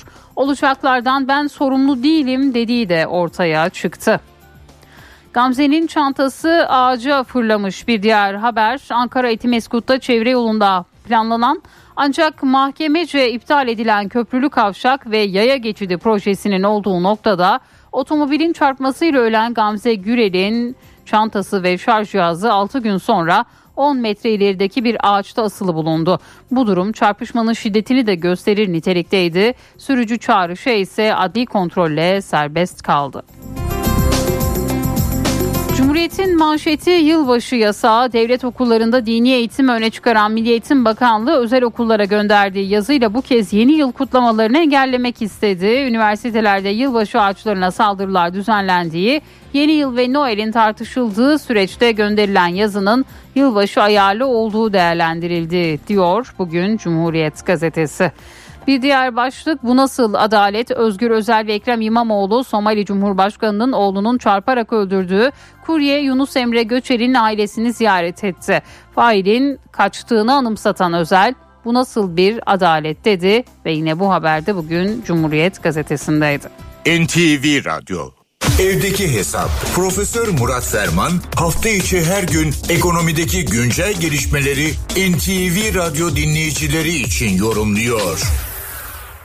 Günaydın Sayın Ferman, mikrofon sizde. Zeynep Gül Hanım günaydın, iyi bir gün, iyi yayınlar diliyorum. Mutluluk parayla elde edilebilir mi? Elde edilirse bunun e, etiket fiyatı ne olmalı? Nasıl olmalı? Ne zaman olmalı? Bu tür sorular bir takım spekülatif sularda kulaç atan araştırmacılar veya spekülatörler tarafından sürekli gündeme getiriliyor. Tabii bu aslında geçim sağlamanın, hayatta kalmanın, maişet motoru çevirmenin bir parça ötesinde insan sürekli olarak refah ve daha yüksek yaşam kalitesi peşinde koşuyor. Bu bakımdan tabii gündemde olan adeta e, popüler kültürün en önemli bileşenlerinden biri haline gelen bir deyim var. Amerikan rüyası. İlk defa 1931 yılında Epic of America, James Truslove Adams'ın kitabıyla gündeme gelen, sonra adeta dillere pelesenk olan bir deyim. Amerikan rüyası. E, kökeni, e, geldiği çevre, ekonomik, sosyal durumu, hatta tahsili ne olursa olsun herkes e, oyunu kurallarına göre oynadığında tabi burada bir pozitif zorlama veya pozitif bir motivasyon var. İşi doğru yaptığında Amerikan rüyasına erişebilir. E, Amerikan rüyasının arkasından herhalde koşan on binler, yüz binler oldu. Bundan sonra da olacak. Şu anda bu rüyayı kuranlar da var. Geçenlerde enteresan bir araştırma e, paylaşıldı. Daha doğrusu bir sondaj yapılmış. E, günümüzde Amerikan rüyasını gerçekleştirmenin etiket fiyatı ne? Hani mutluluğun resmini çizmeye çalışan Abidin Dino'nun işi zor. Veya sayılar o ayıp işaretler diyen İsmet Özel'in de herhalde haksız olduğunu iddia edemeyiz ama sonuçta ekonomideki gö göstergeleri varsıllık veya yoksulluğu, zenginlik veya fukaralığı sayılar üzerinden e, ortaya koyuyoruz. O bakımdan gelin bu enteresan çalışmanın, bu enteresan sondajın sonuçlarını beraber görelim. Evet, günümüzde Amerikan rüyası Investopedia adlı bir e, sosyal medya kuruluşunun e, bir ihtisas e, platformunun e, hesaplaması çerçevesinde 3.4 milyon dolarlık yani yaklaşık 3.5 milyon dolarlık bir etikete sahip. Amerikan rüyasını gerçekleştirdim oraya ulaştım demek istiyorsanız bunun bedeli 3.5 milyon. Tabii burada bir sıkıntı var. Hemen onunla başlayalım. E, Georgetown Üniversitesi'nden meslektaşlarımız bir araştırma yapmışlar. 2022 yılı itibariyle e, ortalama bir Amerikalı, tekrar ediyorum ortalama bir Amerikalı hayat boyu 2.3 milyon dolarlık bir e, kazanç sağlama kapasitesine veya servet oluşturma kapasitesine sahip. Demek ki neredeyse üçte birlik bir açık var. Sıradan Amerikalı için Amerikan rüyasına ulaşmak şu anda mümkün değil. Peki Amerikan rüyasına nasıl ulaşılır? Bu 3,5 milyonun, 3,4 milyonun e, açılışı ne? E, kısaca bir göz atmakta fayda var. İki çocuk sahibi bir aile üzerinden düşünülüyor. Ev sahibi olmak, e, mülkiyet hakkı herhalde Amerikan rüyasının en önemli bileşenlerinden bir tanesi veya o şekilde ortaya koyuluyor. Bu çerçevede isterseniz e, bu 3.4 milyon dolarlık e, bir e, faturanın alt e, kırımlarına bakalım. Doğum masrafları 5700 dolar. 18 yaşına kadar iki çocuğu büyütmenin masrafı 576 bin dolar. E, 6 sene kullanabileceğiniz, ömür boyu kullanabileceğiniz, ortalama 6 yıl kullanıp sonra yenileyeceğiniz arabalar düşünüldüğünde arabalar için 271 bin dolar harcamanız lazım. İki çocuğunuzu e, üniversiteye gönderdiğinizde bu da Amerikan rüyalarından bir tanesi. 42 bin 70 dolar. Bunlar bir senelik bir devlet üniversitesinin e, ücreti. Evlilik e, 35 bin 800 dolar. Hesaplamadaki e, temel unsurlara bakıyorum. Ev ortalama 800 bin dolar. E, hayvanınız varsa hayvan besliyorsanız ki Amerika'da çok yaygındır ömür boyu 67 bin dolarlık bir fatura size çıkartıyor. Şimdi sıkı duralım. Sağlık e, sigortası 934 bin dolar. Yaşlılık için bireysel emeklilik falan gibi hikayelerde e, bağlantılı olarak 715 bin dolar. Ve nihayet cenaze masrafları da 7800 dolar karşımıza 3.4 milyon dolarlık bir fatura çıkıyor. Evet kimine göre Amerikan rüyası, kimine göre şu ülküsü bu ülküsü insanın hani zenginin malı züğürdün çenesini yormaya devam ediyor. Mutluluğun resmini kolaylıkla yapamıyoruz ama sayıların ayıp işaretler olduğundan eminiz. Bu genel ufuk turu çerçevesinde değerli dinleyenlerimize katma değeri yüksek ve yüksek katma değerli bir gün diliyor. Huzurlarınızdan hürmetlerle ayrılıyorum. Profesör Murat Ferman'la evdeki hesap sona erdi. Kaçırdığınız bölümleri www.ntvradio.com.tr adresinden dinleyebilirsiniz. Dünya markası Bras çatı sistemleri finans bültenini sunar.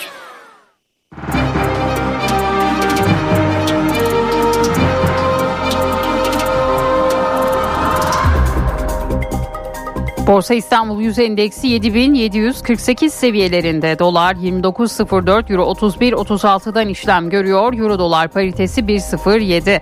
Altının onzu 1978 dolar. Kapalı çarşıda gram altın 1848. Çeyrek altın 3134 liradan satılıyor. Brent petrolün varil fiyatı ise 73 dolar. Dünya markası Bras çatı sistemleri finans bültenini sundu. NTV Radyo Benzersiz duvarlar artık hayal değil. Sandeko Boya hava durumunu sunar. Sıcaklıklar yükseliyor. Perşembe ve cuma 20 dereceye yaklaşacak. Hafta sonuysa hava yeniden soğuyacak. 5 büyük kentte de çarşamba yani bugün açık bir gün. Rüzgarlar orta hızda İstanbul 15, Ankara 6, İzmir 18, Bursa 16, Antalya 22 derece. Perşembe sıcaklık 20 dereceyi aşacak ancak İstanbul, İzmir ve Bursa'da lodos çok kuvvetli de esecek. Eşsiz boya, eşsiz mekanlar. Sandeko Boya hava durumunu sundu. Yiğit Akü yol durumunu sunar. Karayolları Genel Müdürlüğü duyurdu. Samsun Ordu yolunun 0-1. kilometrelerinde ve Vezirhan Gölpazarı yolunun 13-16. kilometrelerinde yol bakım ve onarım çalışmaları yapıldığından ulaşım kontrollü olarak sağlanıyor. Sürücüler dikkatli seyretmeli. Yiğit Akü yol durumunu sundu. Doğa takvimi. Bugün 13 Aralık 2023 Çarşamba. NTV Radyo iyi günler diler. Bu gece gökyüzünde şenlik var. Geminids yani ikizler meteor yağmuru en yüksek etkinliğe bu gece ve yarın gece ulaşacak. Saatte 120 kadar yıldız kaydığını görebilirsiniz. İkizler göktaşı parlak olmasıyla bilindiği için ay olsa bile en azından parlak göktaşlarını görmek mümkün. Gökyüzü gözlemcisi Alp Akoğlu yine de ay henüz doğmadan gece yarısından önceki saatlerde gözlem yapılırsa daha verimli olacağını söylüyor. Peki nasıl gözlem yapmalı, nereye bakmalı? Alp Akoğlu'nun sözlerine kulak verelim. Göktaşı yağmurları sırasında göktaşları gökyüzünün herhangi bir bölgesinde görülebilir. O nedenle en iyisi gökyüzünün ayın ışığından ve diğer ışık kaynaklarından en az etkilenen, olabildiğince geniş bir alanını görebilecek şekilde yere ya da bir şezlonga uzanarak gözlem yapmak. İyi şanslar. Doğa takvimi. Tek reklam. Findex bilgilendiriyor. Herkesin kredi notu var mıdır? Findex kredi notu nasıl yükseltilir? Kredi notuna sahip olmak için öncelikle bireysel nitelikte bir kredi ürününü kullanmak gereklidir. Kredi notunun yüksek olması içinse taksit ve ekstra ödemelerini gününde yapmak çok önemlidir. Bütçenize uygun krediler kullanıp gecikmesiz düzenli geri ödemeler yaparak kredi notunuzu yükseltebilirsiniz. Findex kredi notu kişiye özel olduğundan yükseltmek için Findex not danışmanım üzerinden kişisel danışmanlık hizmeti de alabilirsiniz. Findex bilgilendirdi. Tek reklam. Araç takipte liderlerin tercihi Mobiliz risk haritasını sunar. Ülke genelinde sakin bir hava var. Gündüz sıcaklık değerleri yükselirken geceler çok soğudu. Bu durum sis ve pusun yoğun olarak yaşanmasına neden oluyor. Hava kalitesinin düşmesi solunum yolu rahatsızlığı olanları olumsuz etkileyebilir. Ulaşımda da aksamalar yaşanabilir. Tedbirli olunmalı. Araç takipte liderlerin tercihi Mobiliz risk haritasını sundu. NTV Radyo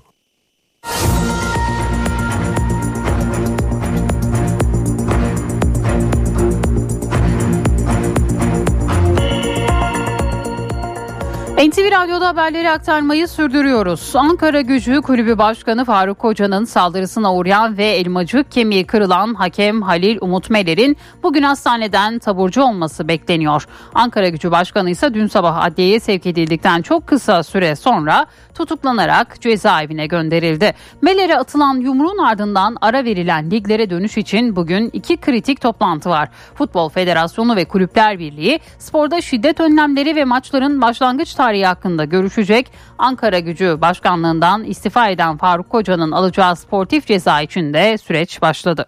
Türk futbolu yumruk skandalının ardından yol haritasını çizecek. Unutulmaması lazım. Bunun bir milat olması lazım. Ankara Gücü Başkanlığından istifa eden Faruk Koca'nın hakem Halil Umut Meller'e yaptığı saldırıyı kınayan futbol camiasında bugün iki kritik zirve var. Ligleri süresiz erteleyen Futbol Federasyonu maçların başlama tarihi ve şiddete karşı önlemler hakkında toplanacak. Halil Umut Meller'e yaptığı ziyaretin ardından Ankara'da bakanlarla görüşen Federasyon Başkanı Mehmet Büyükekşi yönetim kuruluyla son kararları verecek. Gençlik ve Spor Bakanı Osman Aşkın Bak ertelenen liglere dönüşün uzun sürmeyeceğini söyledi. Uzun bir ara verilir mi? Zannetmiyorum. Kulüpler Birliği de yumruklu saldırının ardından olağanüstü toplanıyor.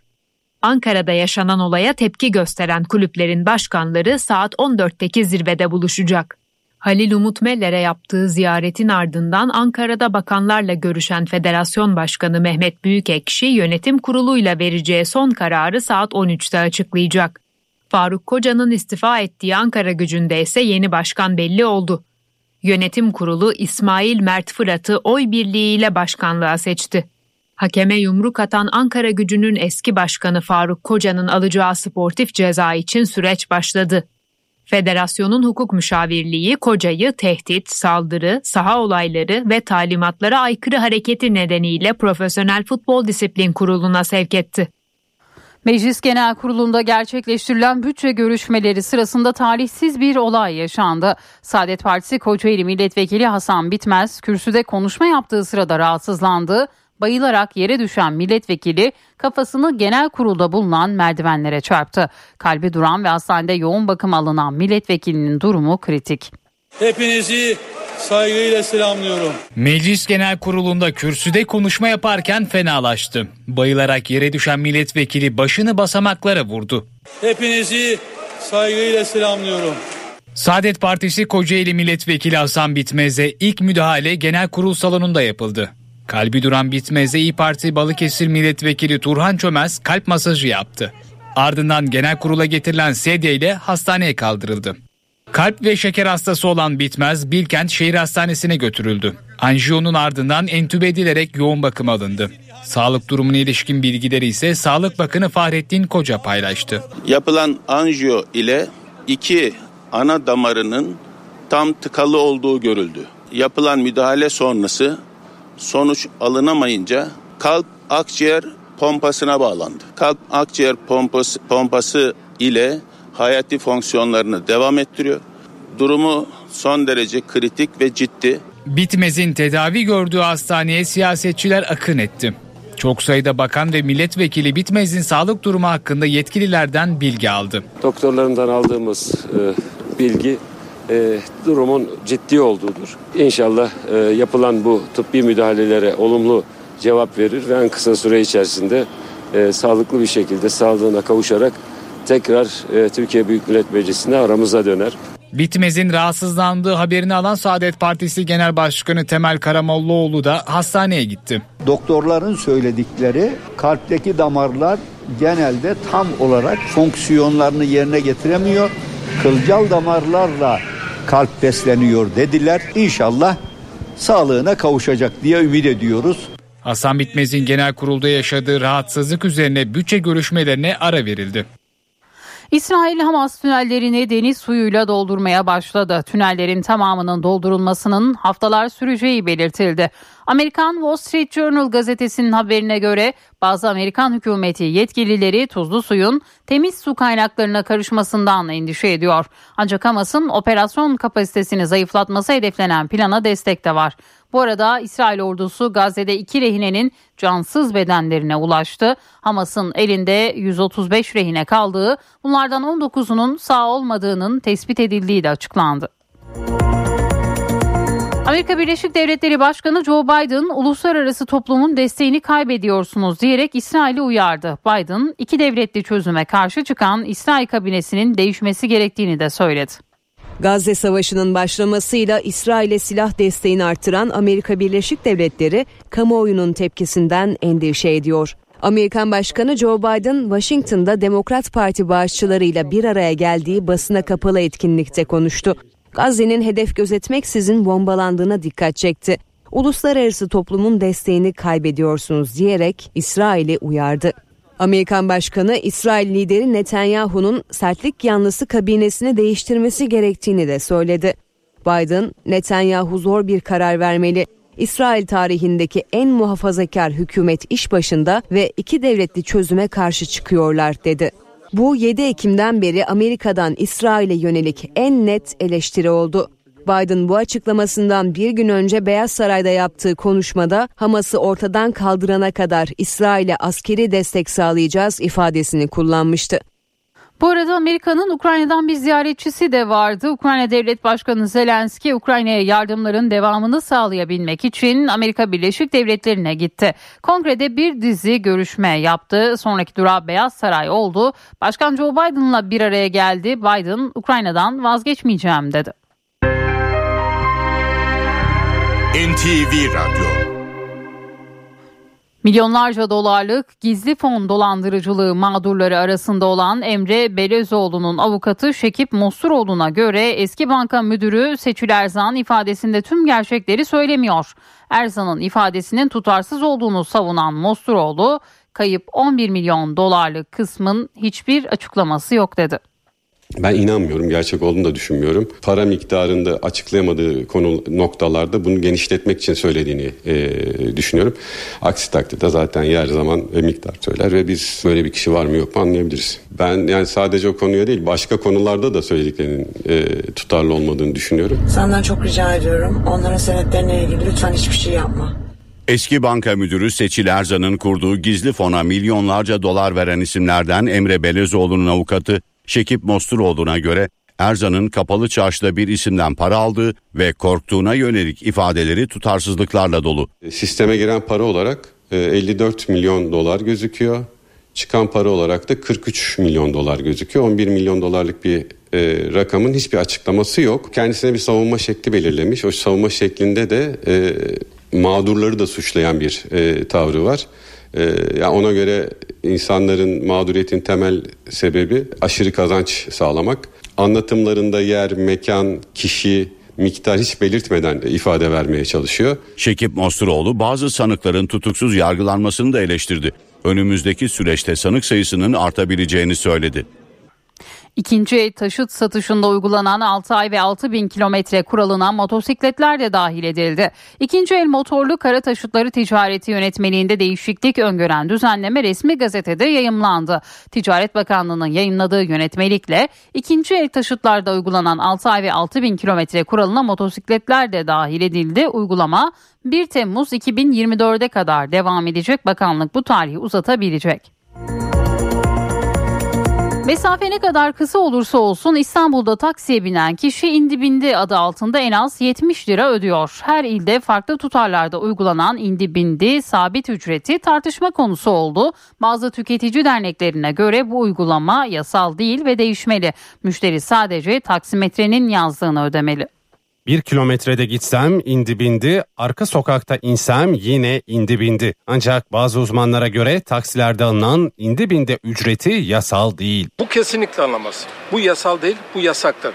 Çift başlı tarife olmaz. Açıklama Antalya Tüketiciler Birliği Başkanı Neşet Gündüz'den geldi. Hem Büyükşehir Belediyesi belediyelere hem de taksiciler odası başkanı kendi kendilerine kanun icat etmesinler. Böyle bir şey yok. Taksimetre varsa taksimetre ne yazıyorsa tüketici onu ödemek zorunda. Yasal olup olmadığı tartışılıyor. Bence de yasal değil. Bence alınmamalı. İstanbul'da indi bindi ücreti 70, Antalya'da 60 lira. Peki taksiyle kısa mesafe giden yolcular ne yapmalı? Kavga etmesine de gerek yok. 60 liraya ödesin, fişini alsın, hakimiyetinden parasını iadesini istesin. Ticaret İl Müdürlüğü'ne de veya CİMER'e de bu konuda şikayet ederse ciddi yaptırım ve e, cezalar da müeyyidelerde vardır. Maddi yönden e, indi bindi olmaması lazım yani. Ne o, olmalı peki? Yani bence indi bindi saçma yani. Bineceksin, açacak kilometreyi sonunda ne yaptıysa onu ne yazdıysa onu verecek. Fakat taksiciler müşterilerle aynı görüşte değil. Taksi kültürünü bilen müşterilerimiz itiraz etmiyor.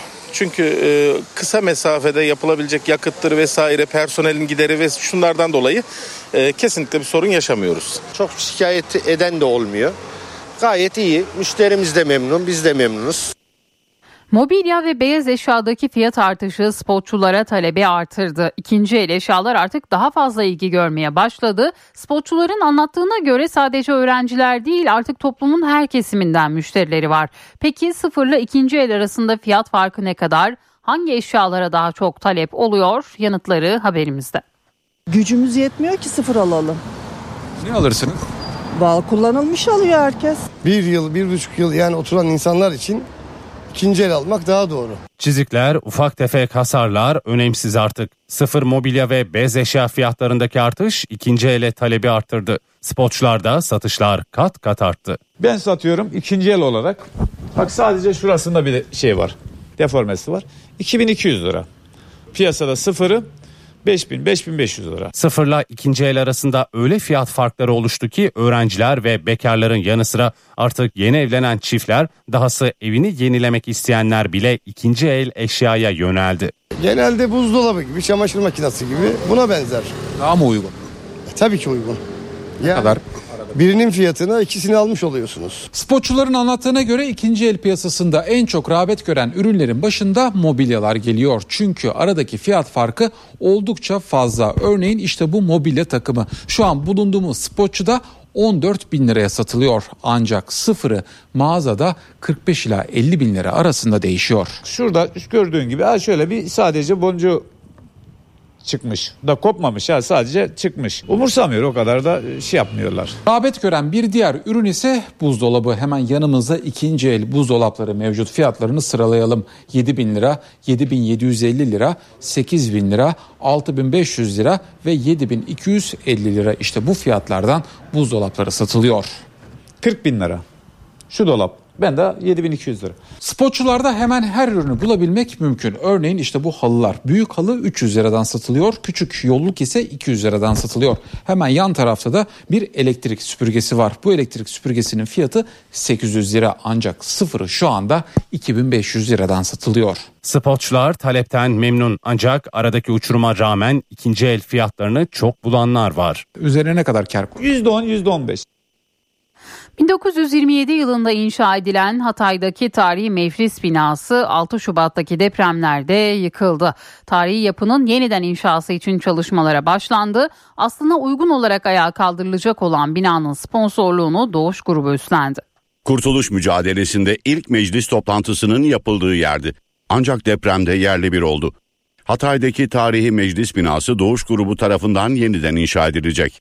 Tarihi mirasımızı da e, suratle ayağa kaldırmak için pek çok çalışma yürütmekteyiz. Bunlardan bir tanesi de e, meclis binamızın ve adalı konağın tekrar e, restorasyon ve rekonstrüksiyon yapılarak e, ihya edilmesidir. Kahramanmaraş merkezli iki büyük deprem tarihi binalara da büyük zarar verdi. Onlardan biri de Hatay Devleti döneminde meclis binası olarak kullanılan bu yapıydı. 1927 yılında inşa edilen bina Hatay Devleti'nin Türkiye'ye katıldığı 1939'a kadar meclis binası olarak hizmet verdi. En kritik kararlar burada verildi. Ardından 2021'e kadar özel sektör tarafından çeşitli iş kolları için kullanıldı. Hatay Valiliğince satın alınarak kamulaştırılan bina, Mutfak Sanatları Merkezi adı altında Hataylılara hizmet veriyordu. Tarihi binanın yıkılmasının ardından bölge koruma altına alınarak restorasyon hazırlıkları başladı. Restorasyonun sponsorluğunu Doğuş Grubu üstlendi. Tabii bu halini görünce insan biraz duygulanıyor. Ama biz e, şuna e, inanıyoruz, bunu ümit ediyoruz ki e, inşallah yeni yapacağımız, yeniden ihya edeceğimiz tarihi meclis binamız ve adalı konağımız eskisinden daha fonksiyonel ve daha önemli hizmetlere imza atacak. Çalışmaların başladığı tarihi yapıda uzman ekipler ilk aşamada enkazdan molozları ayrıştırıyor. Tarihi yapıdaki çalışmaların 2025 sonunda tamamlanması hedefleniyor. Rock tarihinin en büyük gruplarından Scorpions 8 yıl aranın ardından konser vermek üzere İstanbul'a geliyor. Grup 23 Mayıs Perşembe akşamı Küçük, Çift, e, Küçük Çiftlik Park'ta konser verecek. Try, baby, try.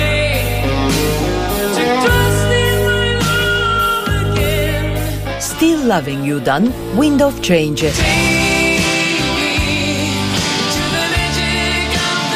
Rock You Like a Hurricane'den Send Me an Angel'a unutulmaz şarkılara imza attılar. Dünya rock müzik tarihinin 60 yılına damga vurdular.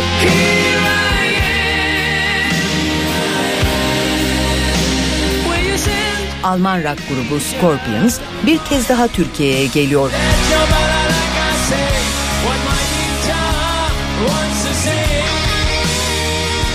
Grup üyeleri 8 yıl aranın ardından 23 Mayıs Perşembe akşamı Küçük Çiftlik Park'ta hayranlarıyla buluşacak.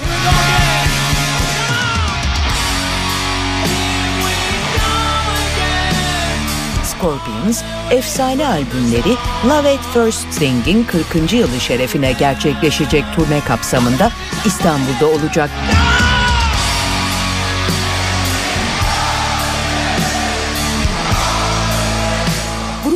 üyeleri konserde geçmişten bugüne unutulmaz şarkılarını yorumlayacak.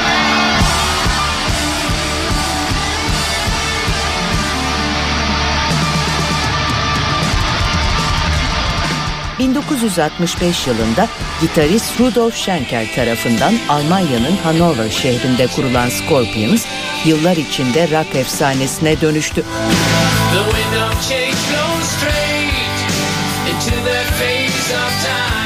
Hard rock'la heavy metal türleri arasında kendine bir yer bulan Scorpions, 80'li yılları zirvede geçirdi.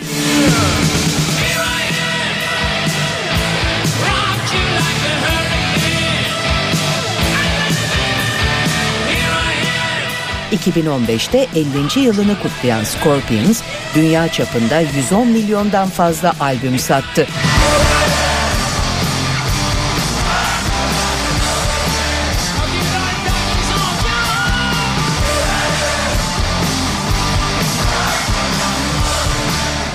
NTV Radyo HDI Sigorta İstanbul'un yol durumunu sunar. HDI Sigorta İstanbul'da şu dakika itibariyle trafikte yoğunluk haritası %62'yi gösteriyor. Anadolu'dan Avrupa'ya geçişte 15 Temmuz Şehitler Köprüsü'ne giderken Çamca Beylerbeyi arası yoğun. Fatih Sultan Mehmet Köprüsü'ne giderken de Çakmak Köprü Kavacık arası yoğun. Her iki köprüde de yoğunluk başlamış durumda. Avrasya Tüneli ise çift taraflı açık. Avrupa yakasına gelindiğinde E5'te Avcılar Çoban Çeşme arasında sabah yoğunluğu var.